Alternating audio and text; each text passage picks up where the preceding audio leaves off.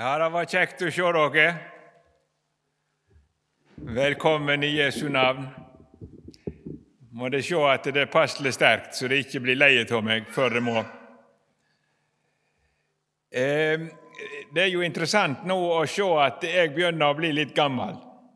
Litt. Jeg bare, jeg sa Nordvaraugen her nede, han virker ikke alder på, men de fleste andre virker det nå litt på. da. Men det jeg ser det på, er at når jeg talte på for en god stund siden, så satt det masse bånd på de to fremste benkene.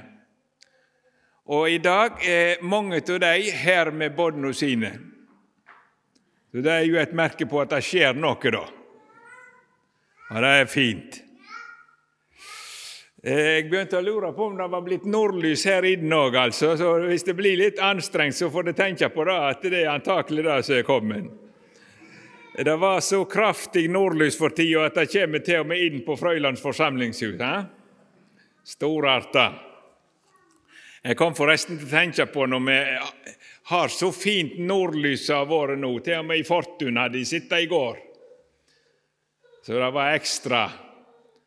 Så kommer jeg alltid når jeg ser, hører det og ser det, så kommer jeg til å tenke på ei dame fra Åsral som jeg kjenner. Første gangen hun så nordlys, hun var ute og kjørte med bil, og så var det kraftig nordlys. Hun forsto ikke hva det var for noe, så hun var helt sikker på nå kommer Jesus igjen. Og Hun fikk nå stoppe bilen og kjørt til sides og huska at hun hadde gått ut og ikke riktig sansa seg. Etter hvert så gikk det opp for henne at det antakelig ikke var sånn. Men da hun da sa etterpå jeg, var, jeg la merke til at jeg ble så glad nå kommer endelig Jesus. Jeg har ikke glemt det. Eh, nå er ikke det sikkert og selvsagt da at eh, alle ville blitt glade. Det er noen som skal gråte òg den dagen. Så vi må be om at Gud får stelle med oss, og den dagen Han virkelig kommer, så skal vi òg få lov å være hjerteglade. Det er ei bønn. Eh, jeg skal prøve å lese noe. Det blir ikke en sånn vanlig eh, tekstutleggelse. Det var en plass jeg sa jeg hadde talt, så jeg har gjerne sagt det flere ganger òg. Det ble visst lapskaus i kveld, sa jeg. Men det skulle jeg ikke sagt der, for på den plassen så var lapskaus stående uttrykk for at det var eh, verken fugl eller fisk det som var blitt forkynt. Så det var ikke noe godt. Og det kan jo være sånn stund nå. Eh, så lapskaus det var et dårlig merke. Men så var det en annen plass jeg hadde brukt det samme uttrykket, og da sa de ja, men jeg liker lapskaus, jeg. Sa så, en som kom til meg og sa etterpå jeg liker lapskaus. Så da, da ble det litt oppmuntra av det. Da. Det fins noen som liker lapskaus. Vi får be til Gud, iallfall. Kjære Gud, i Jesu navn. Vi ber om Din Hellige Ånd og ber om at du må få gi oss noe på dette møtet, at du får tale med oss. Vi ber om å få være i din sjelesorg. Takk, Jesus, for du har frelsestanker med oss, og du har gitt livet ditt for oss. Og du har tenkt at vi skulle få være med deg i all evighet i ditt fullkomne rike. Nå ber vi om Den hellige ånd. Amen. Ja, Det er et par plasser i Skriften vi skal lese fra, så for så vidt ikke kanskje henger helt sammen, men det er noe jeg tenker på. Det ene er fra Salme 51. Det var veldig fint eh, til det vi hørte til åpning i forhold til det òg. Og Jeg skal ikke lese mye der. Jeg tror bare jeg leser vers 14 og 15. Og så skal vi lese det 20. verset i Johannes' åpenbaring kapittel 3 i Jesu navn. Gi meg atter og fryda meg over di frelse, og hald meg oppe med ei villig ånd. Så vil jeg lære lovbrytere dine veier og syndere skal vende om til deg.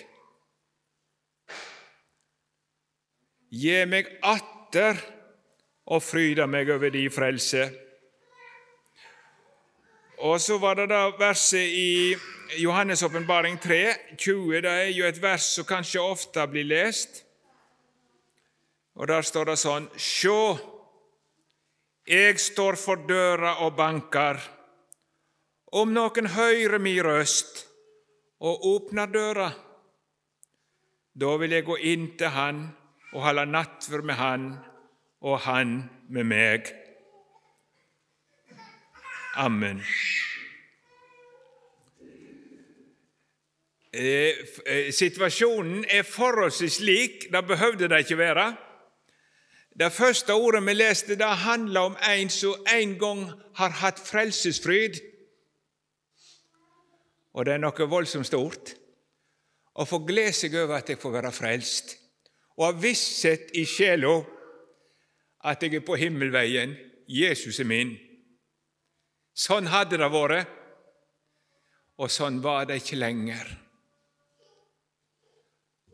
Men nå har Gud begynt å tale til han igjen. Og Når vi leser historien om David, så kan det jo se ut som liksom, han bekjente synda si til slutt når Gud kom til han. Og så står det og, og, og du tok bort min syndeskyld. Og det gjorde nok Gud. Men det går nok ikke så lett til at David får til å ta det til seg. Det ser vi av Salme 51.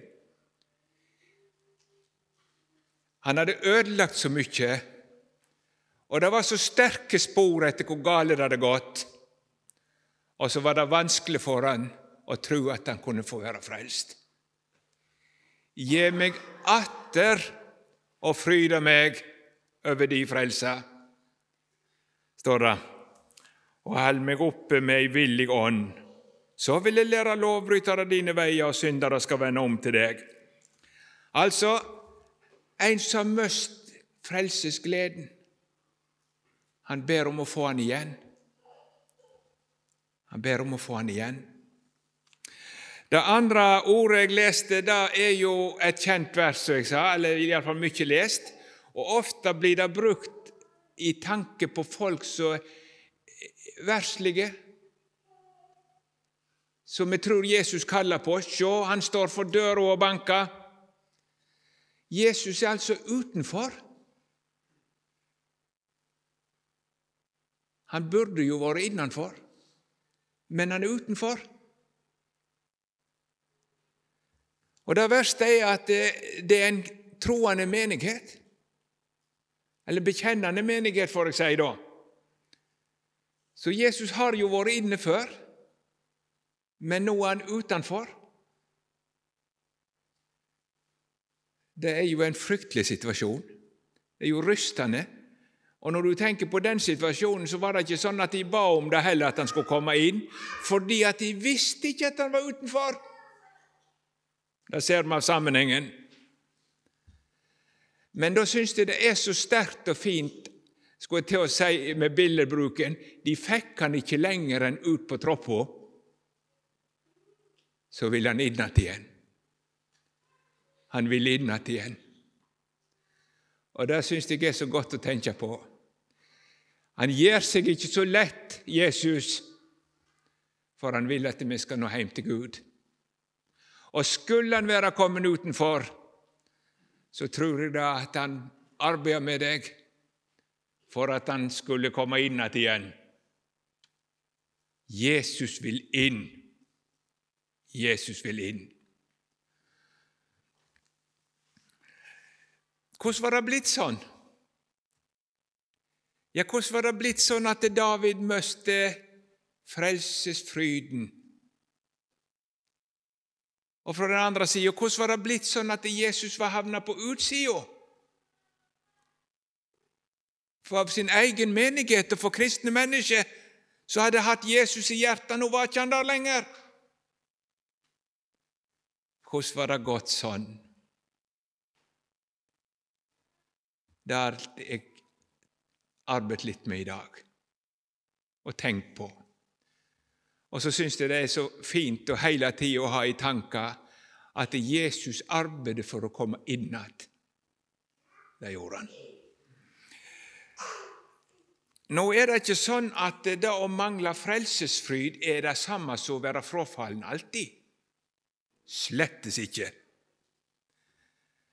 Det kan være flere grunner til at du ikke har frelsesfryd. Noen kommer inn i det som heter depresjon. Jeg vet ikke om noen som er her har vært plaga mye med det. Kan jo hende. Det kan bli så mørkt i livet at du veit ikke opp eller ned. Og du orker så lite. Kanskje ikke du orker lese, og ikke orker du be. Og så blir det så mørkt. Så blir det så mørkt.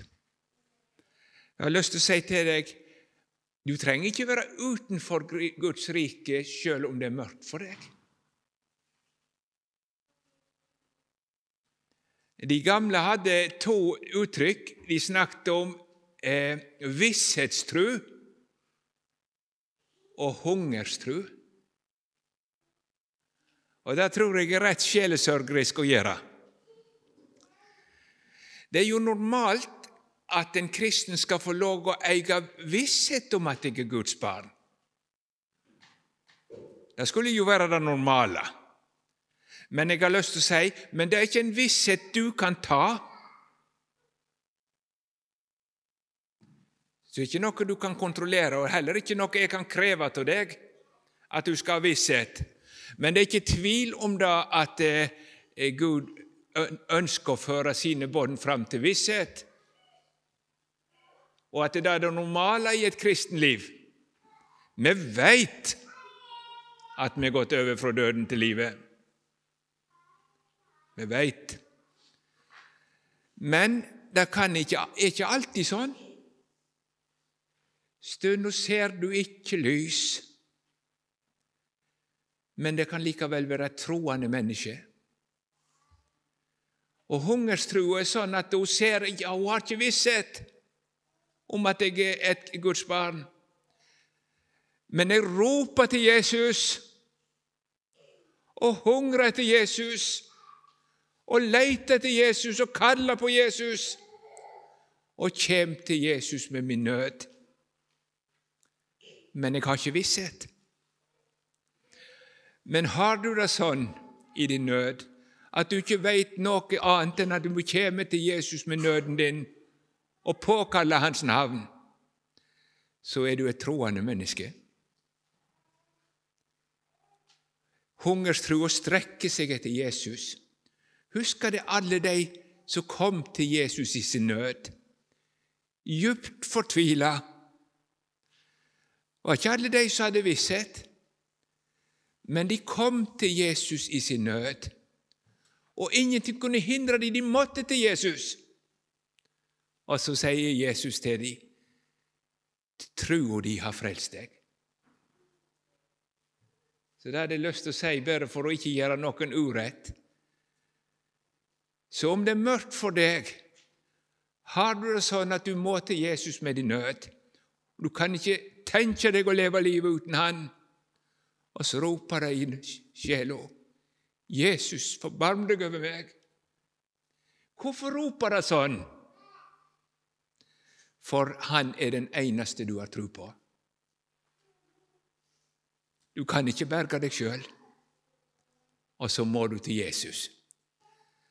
Og så skal nok Gud i sin time òg rope et nådens ord inn i ditt hjerte, så du får se at det, den minste tru som bare tek i kappa på Jesus, vart berga, for det var Jesus hun kom til.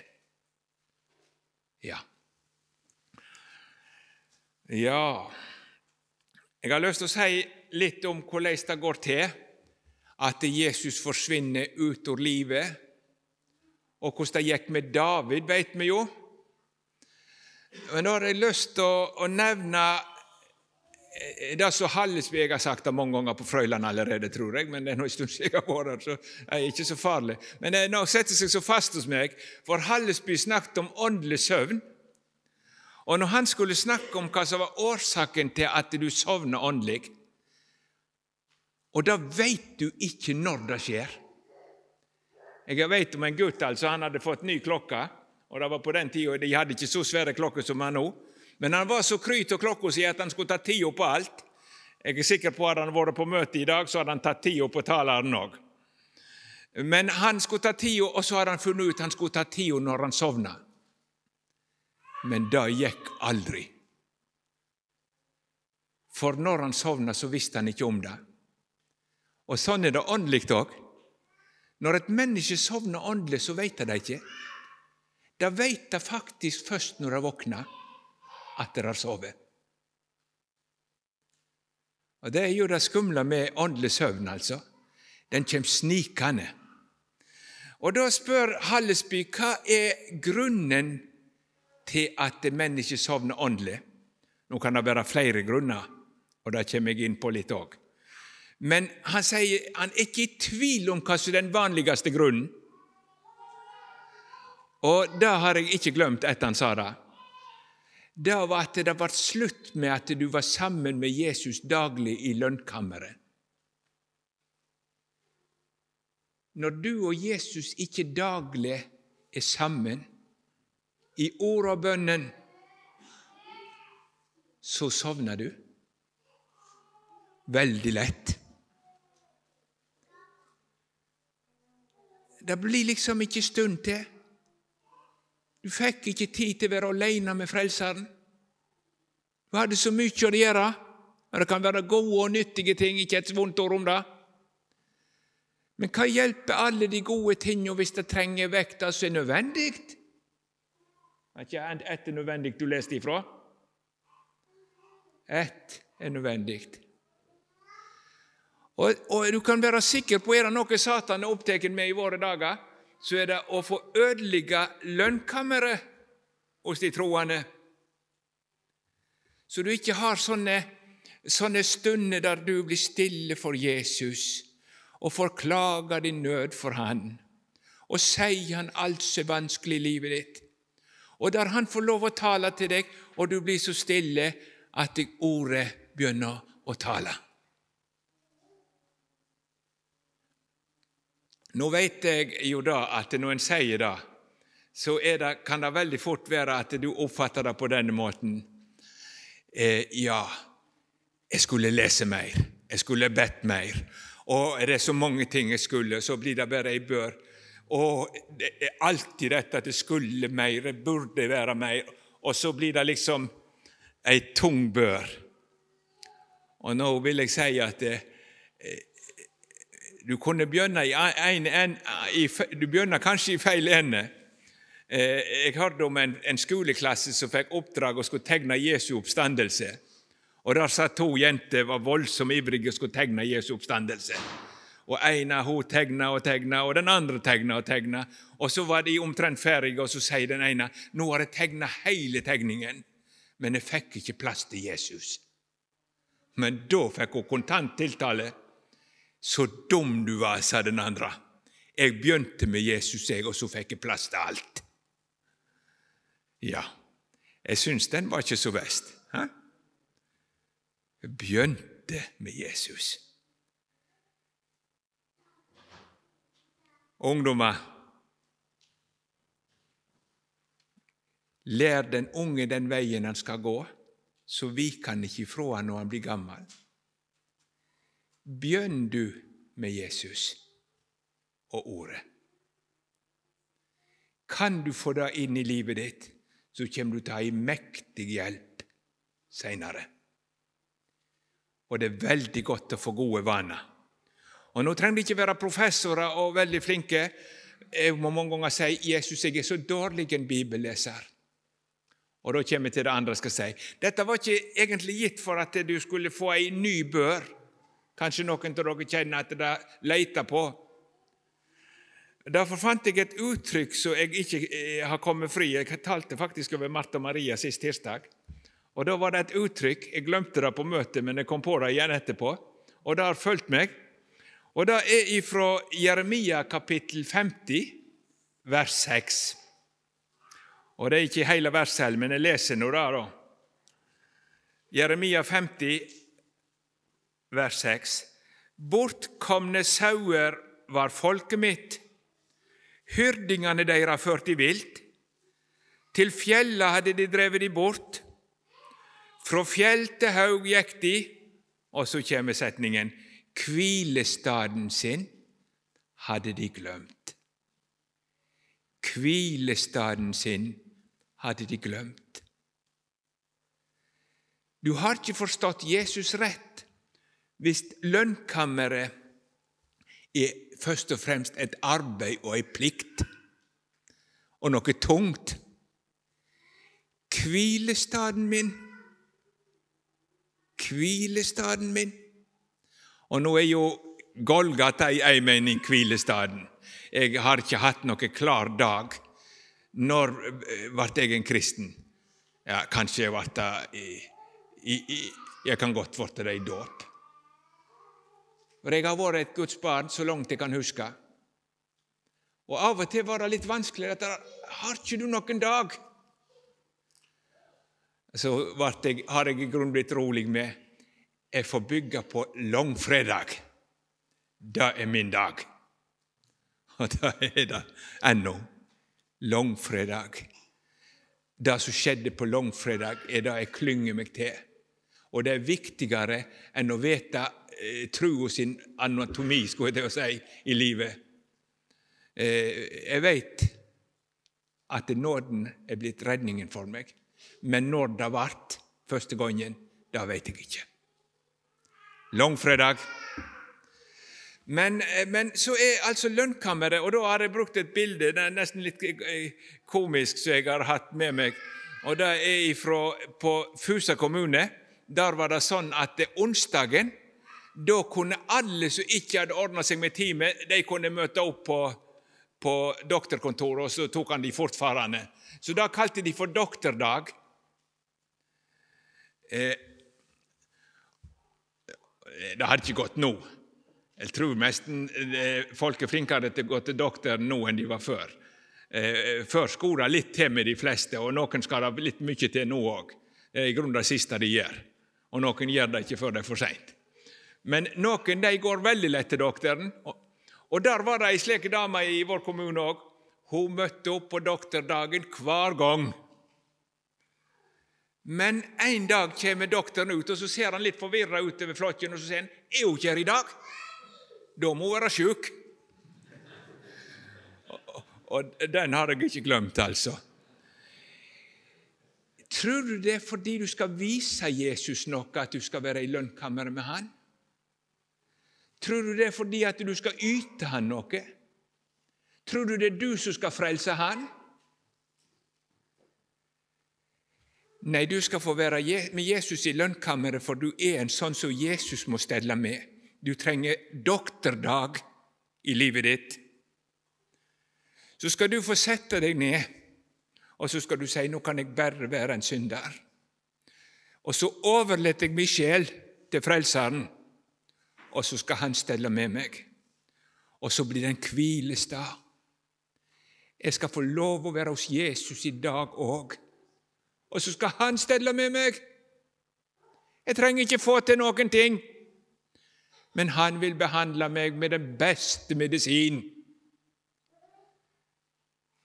Sitt ord og sitt blod.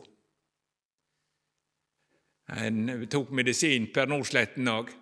Han skrev i en sang En hjertefeil jeg har, som aldri bliver god, så daglig medisin jeg tar, den heter Jesu blod. Ja, jeg syns det var fint.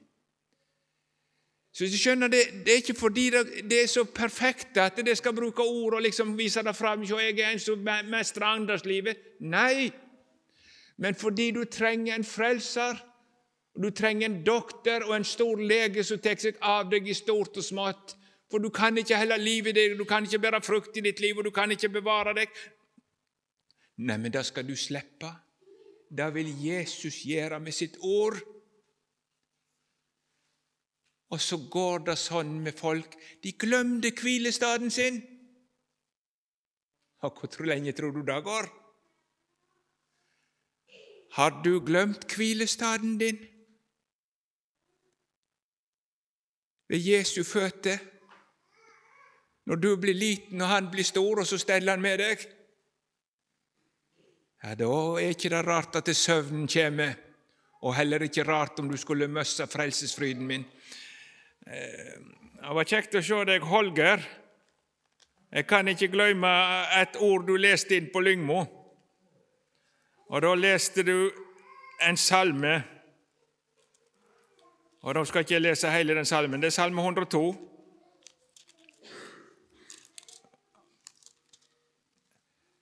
Og Der har han et overskrift 'Bønn av en arming når han tærer seg sagn og auser ut sin sorg for Herrens åsyn'. Eh, tenk deg sånne bønner som Gud har lagt i munnen for oss. En arming som auser ut sin sorg. Kan du tenke en plass du er velkommen, hvor gale det er gått? Skal du få komme og ause det ut for Herrens åsyn. Men så kommer det litt lenger, og det var det jeg skulle minne om. Mitt hjerte er solsvidd og visna gras, for jeg har glemt å ete mitt brød. Nå kan det være at sammenhengen i salmen har en litt annen mening, men dette ordet har vært brukt, og mange kjenner seg igjen. Jeg har glemt å ete mitt brød og så er det blitt så tørt. Det er blitt så tørt. Så da er det det første jeg har lyst til Er det noen som er sovna fordi du har glemt å ete ditt brød? Og Vi kan òg tenke på en Guds Herrens mann. Det bør ikke være borte fra Gud for om dette holder på å skjære galt i vei. Det var Elias og Elias sto i en voldsom kamp, for folket hadde vendt seg til avgudene.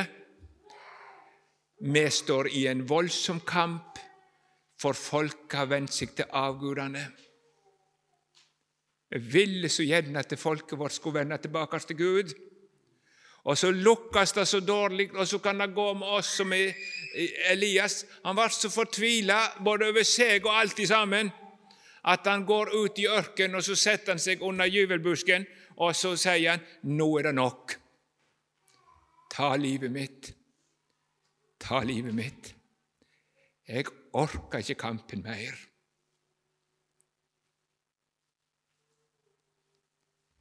Så sovner han.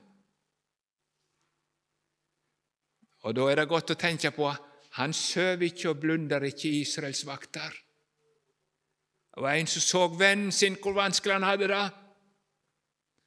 Og så kommer han, en engel, og kommer med mat til han.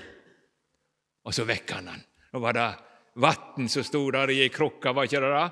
Og så var det hellekake. Eh, det er noe av den beste kaffematen du kan få, vet du.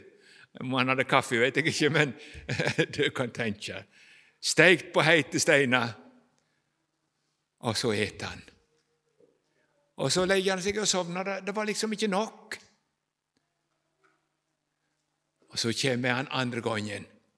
Stå opp og et, for ellers blir veien for lang for deg.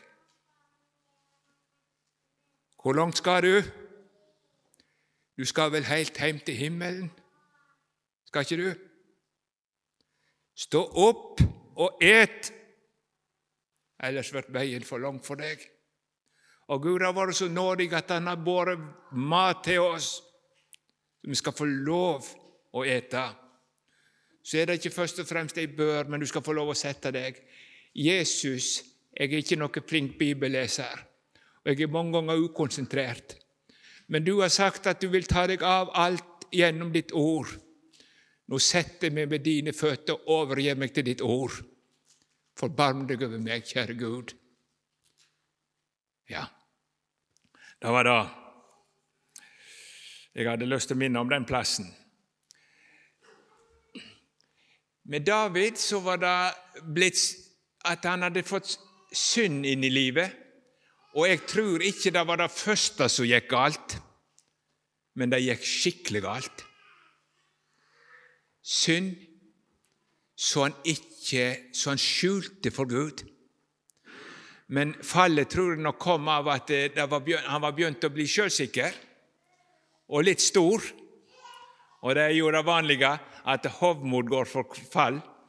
Når jeg begynner å tro jeg kan dette med å være kristen, da er jeg i stor åndelig fare. Kan Du blir liksom sånn at det, det er ikke meg det er farlig for nå. Tida er det farlig med, og ungdommen er det farlig med. Men det er ikke farlig med meg lenger. Pass deg så du ikke kommer sånn som David. Mens Guds folk var i strid på død og liv, så lå han hjemme og drog seg på taket. Det var ligna ikke David, men det var skjedd noe i livet, ser du. Og så ble det et stort fall, et grovt fall. Og jeg veit ikke hvordan han snakket, han har nok i ei mening prøvd å bekjente og delvis unnskylde, og så går det et år. Og David lever borte fra Gud et helt år. Det var ikke en kristen som hadde falt i skrøpelighet. Men når du lever et helt år uten oppgjør med Gud og har både drept og drevet hor, da er du ingen kristen. Det kan du forlate deg på. Han var ingen kristen i den tida. Han hadde ikke det godt. Dag og natt lå de hånd tungt på meg. Min livssaft svant i sommertørken. Og Da må jeg litt til den andre teksten som jeg var med, med den, det som trengte Jesus ut. At du får det så travelt at det ikke er plass til Jesus. Det kan trenge han ut. Det har vi snakket om nå. Fikk ikke plass til ordet. Det var en som hadde det så travelt. De prøvde å få han med på møtet. Og så sa de 'Skal ikke du være med i kveld?' 'Har ikke tid', sa han. Var det neste kveld? 'Skal du ikke være med i kveld?' 'Har ikke tid'. Så får han til svar 'Har du sett av tid til å dø?' Har du sett av tid til å dø? Da kommer ikke døden til å spørre om du har tid. Det er tid til å søke Gud. Men det som kan drive Jesus ut uoppgjort synd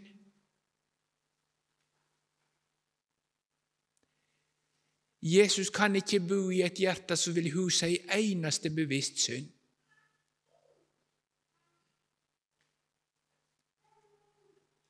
Er det ting i livet ditt? Det er ikke at du feller og er skrøpelig om å bekjenne det for Jesus i din nød.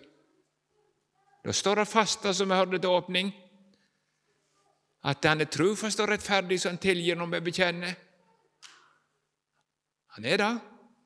Og det må jeg pukke på en stund, for djevelen han ler liksom ikke nok med det at han sier 'minner meg om det igjen'. Nå, djevel, må du lese hva som står. Og nå, Øyvind, må du lese hva som står. Det står han er trufast og rettferdig, så han tilgir synda og renser oss ifra all urettferdighet.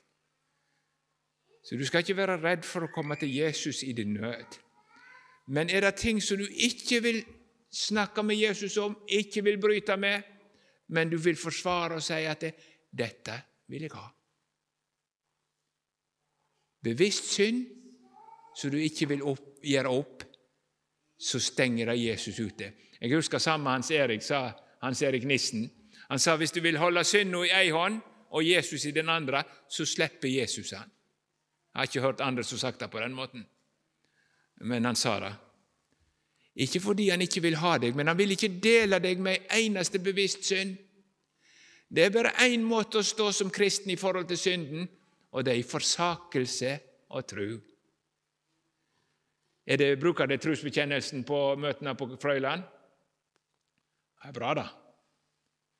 Det er store ting å bekjenne. Her står det en flokk på Frøyland som mot hele verden forkjenner vår høgelige tro. Det er fint, men det må ta med forsakelsen. For det går ikke an å si ja til Gud uten samtidig å si nei til djevelen. Jeg forsaker djevelen og alle hans gjerninger og alt hans vesen. Og kan du ikke lenger da, vil du ikke lenger da, men du vil ha synda, så går det ikke. Og det er noe som jeg, jeg har arbeidet med altså, De vet hva samvittighet er for noe.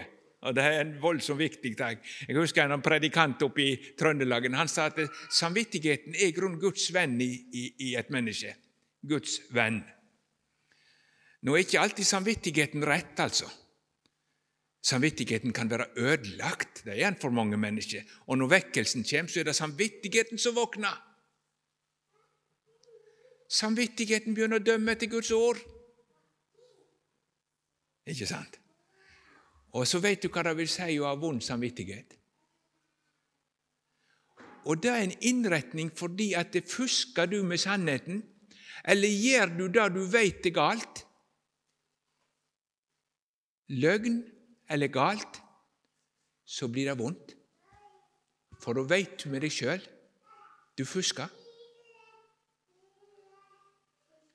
Det er vond samvittighet. Og den har Gud ordna for at han skal få oss i tale, altså. Og han har ordna det for at du skal ta oppgjør med det som er vondt. Det er litt lignende som smerte. Dere vet hva smerte er for noe.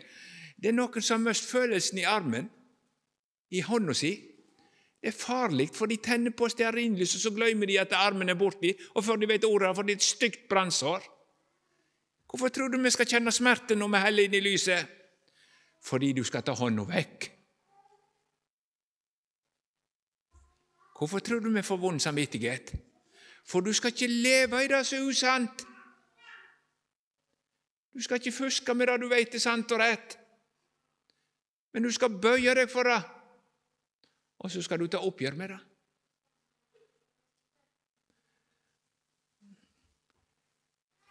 Når en sovner åndelig, så er det i virkeligheten samvittigheten som sovner. Og det har jeg sett litt gjennom livet. Derfor syns jeg jeg synes det er veldig kjekt at det er unge folk på møte, og at det tar ansvar. Den yngre garde tar ansvar. Det er veldig fint. Men jeg er kommet til at å finne gamle mennesker som lever friskt med Gud, det syns jeg nesten er enda større. Hele livsreisa blir bevart i en levende tro. Det er ikke sjølsagt. For det var mange, når de ble kristne, så får du noe som heter en, en var samvittighet. Jeg er så redd det skal komme noe imellom. Det må ikke komme noe imellom meg og Jesus. Kjem det noe imellom, så er det vondt. Og så må du til Jesus med det og snakke ut. En var samvittighet. Og det er en veldig god ting. Og så er det sånn at Hvis du vokser i nåde og kjennskap, så vokser du at samvittigheten bør dømme djupere. Så til å begynne med det gjennom først og fremst ytre synder. Hvis en badna, så fikk en dårlig samvittighet hvis en har levd i verden, osv. Men etter hvert så begynner en å se.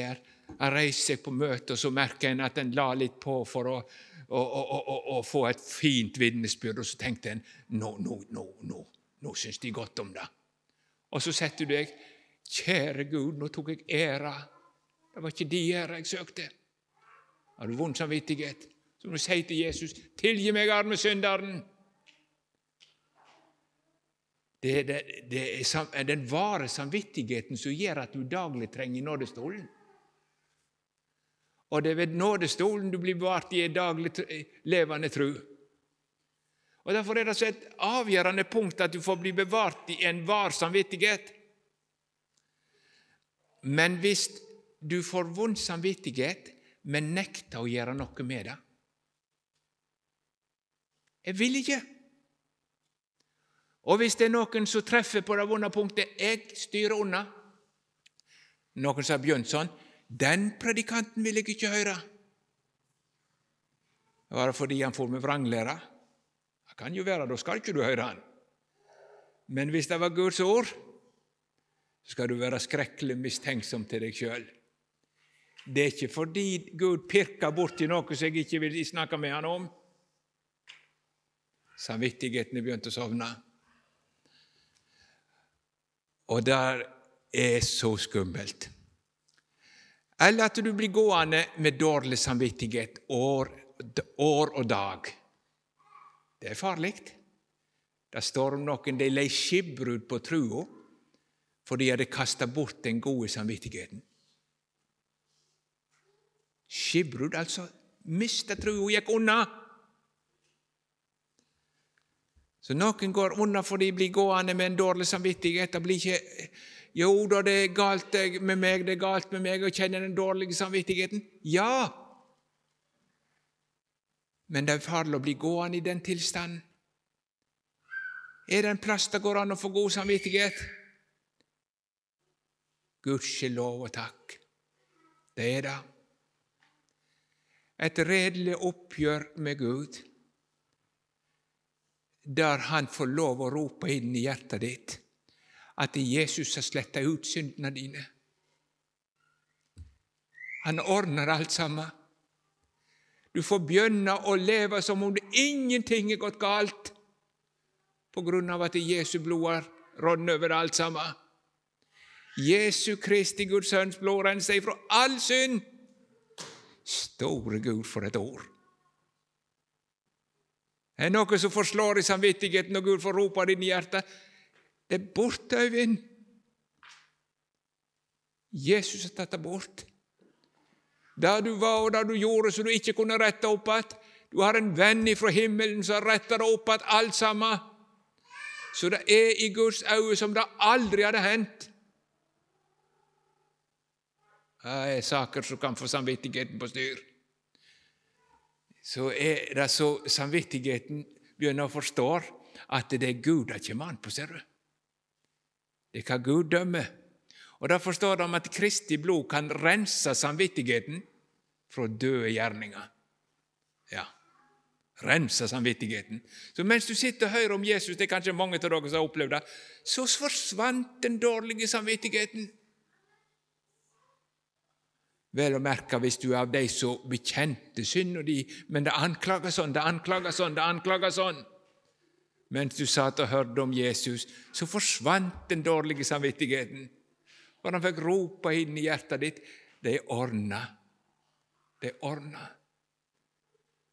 Ja. Jeg har jo stund fortalt om jeg, Nei, jeg tror ikke jeg kan gjøre det i kveld. Jeg kan bli så lenge. Jeg, jeg, jeg hadde en opplevelse hjemme som jeg har stund fortalt når det gjelder samvittigheten, men jeg tror jeg skal, skal la det være i kveld. Ja vel. Men så var det altså den andre sida. Hvis du ikke hører på samvittighetens røst og unngår ordet, så kommer samvittigheten eh, Jeg vet ikke om de har hørt det sånn som jeg hørte det. Nå får jeg ta opp et ark her. Her står truvekjenninga. Det var ikke akkurat sånn, men jeg lærte at samvittigheten så ut som en trekant med kvasse hjørner. Her er det firkant, og det er nesten like godt. Og så når du gjorde noe som var galt, så begynte den trekanten å svive, og så rispa det borti, så du fikk vond samvittighet. Samvittigheten sveiv, og da Au! Dette gjorde ikke godt. Hvis du ikke gjør noe med det, så fortsetter den å svive. Og hva som skjer? Hjørnene begynner å bli slitt. Og til slutt kan samvittigheten bli rund som en slipestein, og da har du fred. Men det er det som de kaller for kirkegardsfred, dødens fred. Fordi det er ingenting lenger som taler om sannheten inn i ditt liv. Eller iallfall veldig lite. Og da er det nok som hadde skjedd i Laudikea på mange måter. For de trodde alt var i orden. De mente det var i orden, de. Jeg er rik og har overflod. Ja, hva kom det av? At de så ikke lenger sant på seg sjøl. Gud fikk ikke tale om hvordan de så ut og så var de blitt tilfreds. Og det er det feleste, nesten, for her var det ikke direkte synd, sånn som vi vanligvis forstår det, men det var at de var så fornøyd. Her går det godt. Det er mange som har problemer i dag, men ikke jeg. Nå er det jo sånn i, i Misjonssambandet, så sier ikke de sjølrettferdige og sjøltilfredse det i vitnesbyrd. For da veit de det hører med å snakke om at vi er syndere alle sammen. Men de er så sjøltilfredse. Og det lukter stundom lang vei. Sjøltilfreds og så er Jesus utenfor. Det er ingenting som smaker Jesus verre enn når en troende menighet kommer inn i dette der lunka sjøltilfreds. Siden du sier 'rik og har overflod og trenger ingenting', og du veit ikke at du er arm og ynkelig, fattig og blind og naken. Det gjorde meg egentlig godt en gang, for jeg, jeg jeg kom hjem fra ei møteveke. Og Om det hadde vært ei tung møteveke i sin helhet, det husker jeg ikke, men jeg husker jeg syntes det var tungt å få noe ifra seg på siste møte. Og jeg syntes det var så mislukka alt. Ikke fikk jeg til å være åndelig, og ikke fikk jeg til å være brennende. Og når jeg skulle vitne om Frelseren, så gikk det så dårlig da òg. Og da er det ikke så rart. Men da kom det til med dette her. Jeg tar til meg sjøl Du er vel ikke lunka? Nei, den lunka sier du er rik av overflod. Det var ikke det jeg sa til Jesus. Jeg måtte si det står så dårlig til med meg, Jesus. Ikke jeg brennende. Hvis du går ifra meg, så er jeg 100% fortapt. Og så sa Gud i det ordet, jeg vil aldri spy deg ut av min munn, Øyvind. Jeg er kommet for å redde sånne stakkarer som kommer til kort.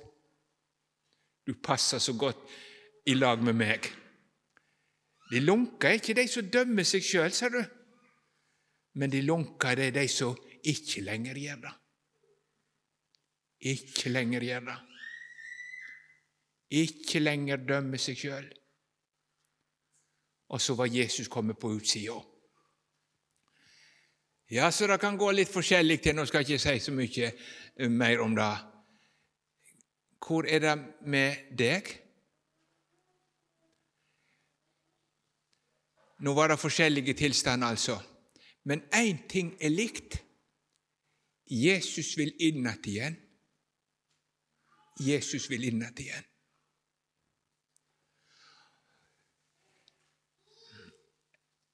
Det kom så godt til meg en gang et ord. Jeg kunne lest det fra Salme 51 òg, men nå skal jeg lese fra Jesaja 57.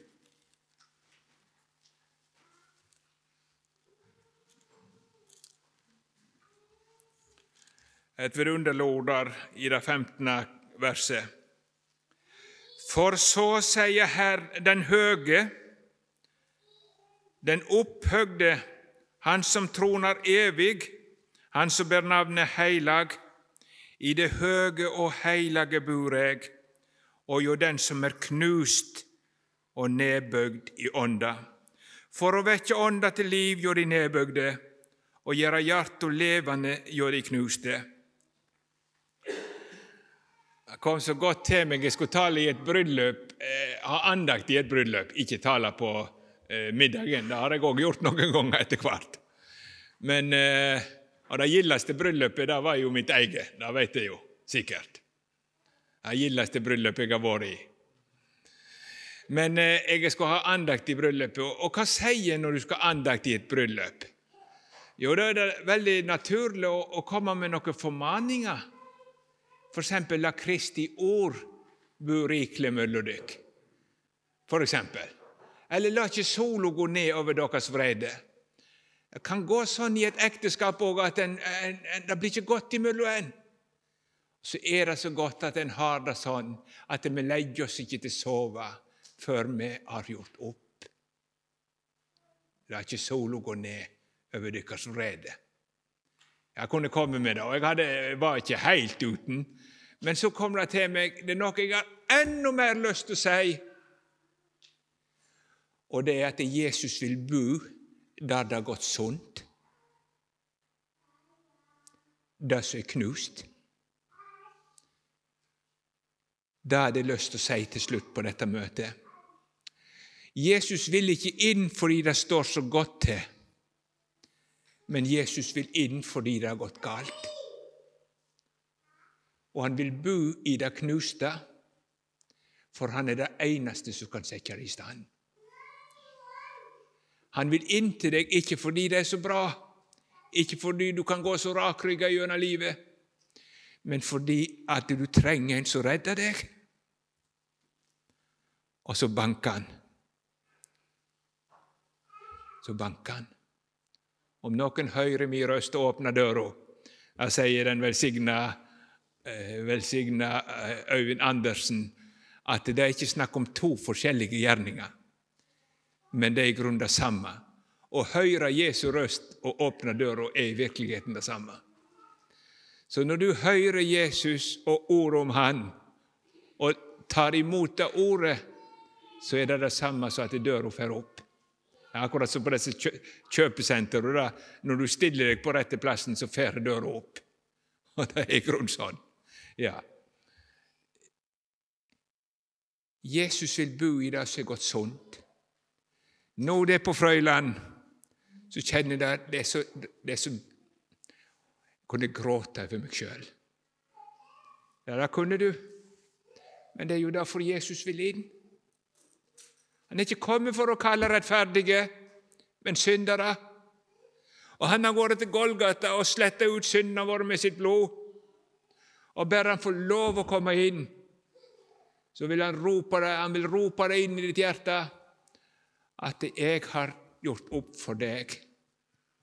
Jeg har betalt alt sammen for deg. Jeg har ordna Guds forhold, og jeg vil bo hos deg som din frelser. Og jeg vil ta meg av deg dag etter dag til du er evig hjemme. Du den syke, jeg legen, du en synder, jeg en frelser, du med ammen, jeg med bønn, du med nåden, jeg med skammen. og hvor vi dere passer sammen. Forstår du hvem Jesus er? Til og med David var godt så sunt som han står der og sier 'Jeg har synda mot Herren'. Og Da var det ikke bare en fille, liksom litt det enkelte syndet, men helt tilbake til mors liv, egen synder. Og det brøt ut på det forferdeligste. Ja, men så kommer Jesus inn, og så er han rein og rettferdig, himmelverdig, bare på grunn av nåden og frelsen. Nå er det oss det gjelder. Se, jeg står for døra og banker. Om det er sånn at du kunne ha mist frelsesfryden, eller fordi det er andre ting som anklager, eller du kommer helt bort fra Gud, og det har gått sunt, alt Nå vil Jesus inn. Han vil redde deg, og han vil inn med en fullkommen nåde til en ufullkommen stakkar. Kjære Jesus, nå takker vi deg for at du er så forunderlig god. Takk for at du ville ha meg, Jesus. Meg til frelse jeg intet vet uten deg, Guds lam. Enig i din rettferdighet skjules all min skam. Og så er det så vanskelig å holde fast ved gjennom livet at du vil være en sånn frelser for meg dag etter dag inntil når ditt gode land. Men vil du da, og kan du da, så er det jammen ikke meg imot. Jeg vil prise ditt navn. Amen.